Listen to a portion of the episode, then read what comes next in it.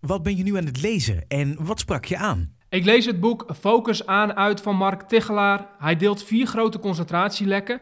En het deel wat ik nu ga delen met je gaat over concentratielek 4. Te veel externe prikkels. En hierover zegt hij onder andere het volgende.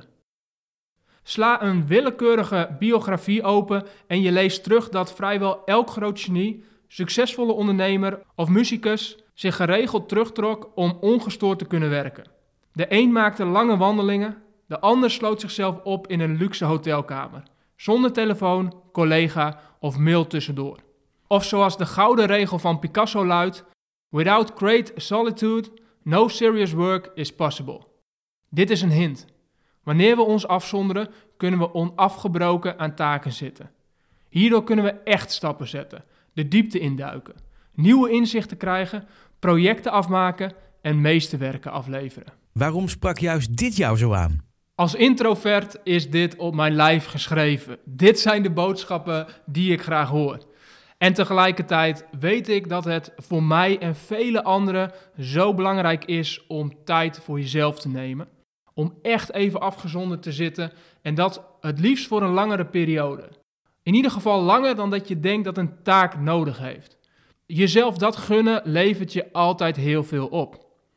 En natuurlijk is er altijd dat stemmetje dat zegt dat je bereikbaar moet zijn.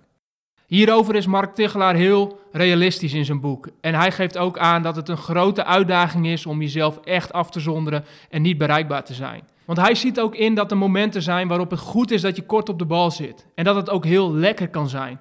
Alleen niet als dit de hele dag moet. En dit is een terugkerend thema in het boek.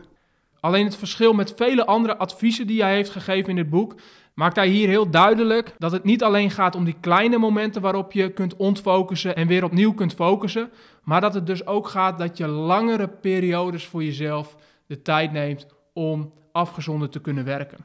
Dus dat je niet gestoord wordt. Verminder die externe prikkels. Het klinkt weer heel logisch, maar in de praktijk is dit weer een grote uitdaging om voor elkaar te boksen.